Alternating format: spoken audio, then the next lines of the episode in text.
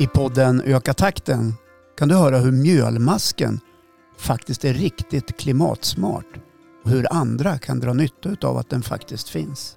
Ni vet vi har ju väldigt, eh, allt som vi gör på mobilen och datorn det hamnar ju någonstans i alla dessa serverhallar. Och de står ju och drar el och genererar värme. Och den här har jag då kartlagt då och se vad vi kan göra. Och bland annat har jag räknat på hur man kan använda restvärmen till växthus, eh, använda och torka eh, pellets bland annat. Eh, men även odla mjölmaskar. Så det, det har vi också gjort tillsammans där med. Så det var, vi byggde som en värmebox och sen så satte vi igång odlingen. Det handlar om symbioser. Eftersom det här är väldigt eh, relativt nytt då kan man väl säga att tänka cirkulär ekonomi, industriell symbios och vad det innebär.